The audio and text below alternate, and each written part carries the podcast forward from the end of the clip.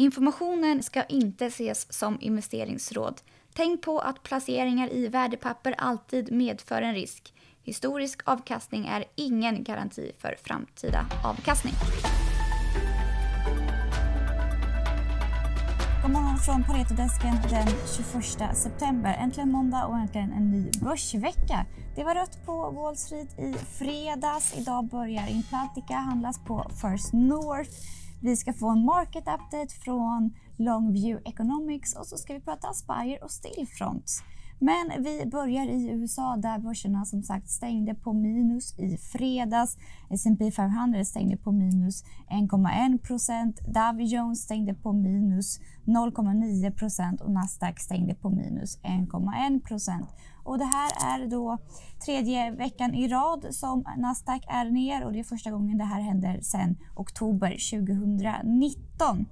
Det har under helgen kommit eh, uppgifter om en ny bankläcka. Det är misstankar om penningtvättstransaktioner i flera storbanker globalt. HCBS är ner 4% på den här nyheten nu under morgonen och de asiatiska börserna följer med fredagens eh, fall på Wall Street och handlas ner nu under morgonen. Tokyo håller helgstängt idag och imorgon. Hur mår marknaden annars då? Jo, vi ska ringa upp Harry Colvin som jobbar på Longview Economics och det här är vår eh, leverantör av makroanalys. Jag tänker att vi ska ringa upp dem varje måndag så att vi får en, en eh, update på hur marknaden mår och vad som händer i veckan. Good morning, Harry Calvin. Could you please give us uh, market updates? Yeah, sure. Well, look, I think one of the key questions in markets currently is uh, whether they're in a sell off. You know, they rallied last week from their 50 day moving averages, having made uh, major local highs or record highs in early September or on the 2nd of September. Um, so normally sell offs occur within three wave patterns. There's an initial wave of selling, there's a little bounce or a relief rally, and then often there's a third and final wave of selling in which markets move below the lows of that initial pullback. And we're currently around this sort of second wave pullback, there's a big question mark over whether we get the third wave. So far, markets seem to be holding their 50-day moving averages, whether you look at the S&P 500 in America or whether you look at global equities. So that I think is the really big question. Our short-term models have quite interesting signals that help guide us through those sell-off uh, patterns. In the medium term, I think the outlook is quite good. You know, the US and global economies re-accelerating, and we have ample liquidity coming out of the Fed. So it's it's a little wobble within an uptrend, probably. What is this week's agenda?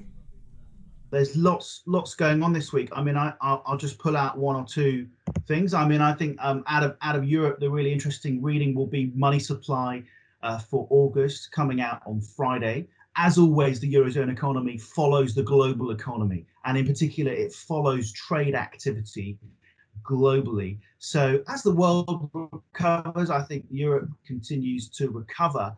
Um, I think the interesting thing will be the signals we get from some of the leading indicators out of Europe, and money supply is one of those. It's a great leading indicator of economic growth. Uh, and we'll get the August reading on Friday. So far, money supply growth has been accelerating pretty quickly. Um, so, so that'll be interesting. Also out of Germany, IFO, uh, ZEW, Centex, you know, they're all carrying a pretty positive message at the moment. They're the key leading indicators for Germany. And on Thursday, we get the German IFO uh, reading. So that'll be that'll be quite interesting. Um, and then I'll just say out of the US, I think the really interesting thing will partly be some of the housing data we're getting this week, but also the speeches we get. So, you know, we've got Evans, talking on monetary policy. We've got Mester, we've got Rosengren, Powell is speaking. We had the Fed policy announcement last week. You know, I think the interesting thing with the Fed at the moment is that they've, especially what Powell was saying last week, was that he does he cast doubt over this relationship between QE and financial stability. Does QE really inflate asset price bubbles? Well, the evidence looks pretty sketchy, is what he was saying last week. So you know, he's putting that on the back burner. They've changed their inflation approach, which, you know, inflation is the other reason why they might stop doing aggressive QE. The two things that might stop them from, from, from with, you know, from QE, he's pushed back onto the back burner. So, you know, what, what we get from some of the Fed presidents, I think will be quite, will be quite interesting this week. Uh, you know, we get a bit of housing data. I would be watching that as well. So existing home sales come out tomorrow for August. On Wednesday, we get FHFA house prices. We've got a little mini boom emerging in the housing market in, in America at the moment. So that'll be that'll be interesting to watch that closely as well. Mm, thank you, Harry. Då smalnar vi ner blicken någonting och fokuserar på Sverige. Idag börjar ju som sagt Implantica att handlas på First North. Och vi ska såklart följa den här utvecklingen och också prata med bolaget. Och så på Paretos morgonmöte har vi pratat både Aspire och Stillfront. Ja, om vi börjar med Aspire då, Marlon Wernick. De hade kapitalmarknadsdag i fredags och sen så har de förvärvat ett nytt bolag. Exakt. Eh, Aspire förvärvar då sportboksleverantören Betobet för mm. 20 miljoner euro. Eh, kommer över ändå rätt billigt eh, med tanke på vad de får. Eh, runt 4,5 gånger sales på 2019 och ska gissa någonstans runt 3 på, på 2020. Så vi är positiva till förvärvet. Mm. Och kapitalmarknadsdagen då, kom det fram något spännande där? Man pratar ju om eh, Spire och hur det ska se ut om, om 3 till 5 år. Mm. Eh, och, och där tror jag att det här förvärvet eh, på sportboksidan är eh, viktigt i Spires tillväxtresa. Eh, de kommer göra en vertikal de inte har idag. Så nu äger de i princip hela utbud mot kund. Eh, och samtidigt kommer de in på marknader som eh, tillväxtregioner som Afrika och Latinamerika där inte mm. Spire finns idag. Spire är ju mer i Europa och, och lite Nordamerika så det mm. blir väldigt intressant eh, eh, cross-sellings on add-on i deras erbjudande nu mm. mot, mot kund. Mm, spännande, tack så mycket. Tack.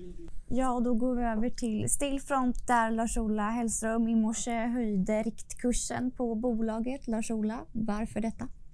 Ja, eh, två anledningar då. Är, eller den största anledningen framför allt är det intressanta förvärvet av Nanobit som eh, när man väl börjar syna det i sömmarna ser ut att vara gjort på väldigt attraktiva villkor.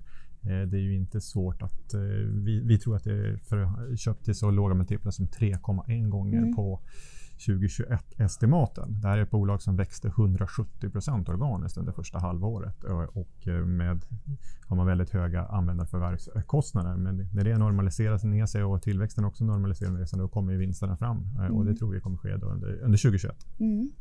Så har de kapitalmarknadsdag snart. De har kapitalmarknadsdag imorgon och det som är intressant där är ju att eh, man höll sin första kapitalmarknadsdag i november förra året. Satte mål för 2022, 4 miljarder i omsättning plus 35 ebit-marginal.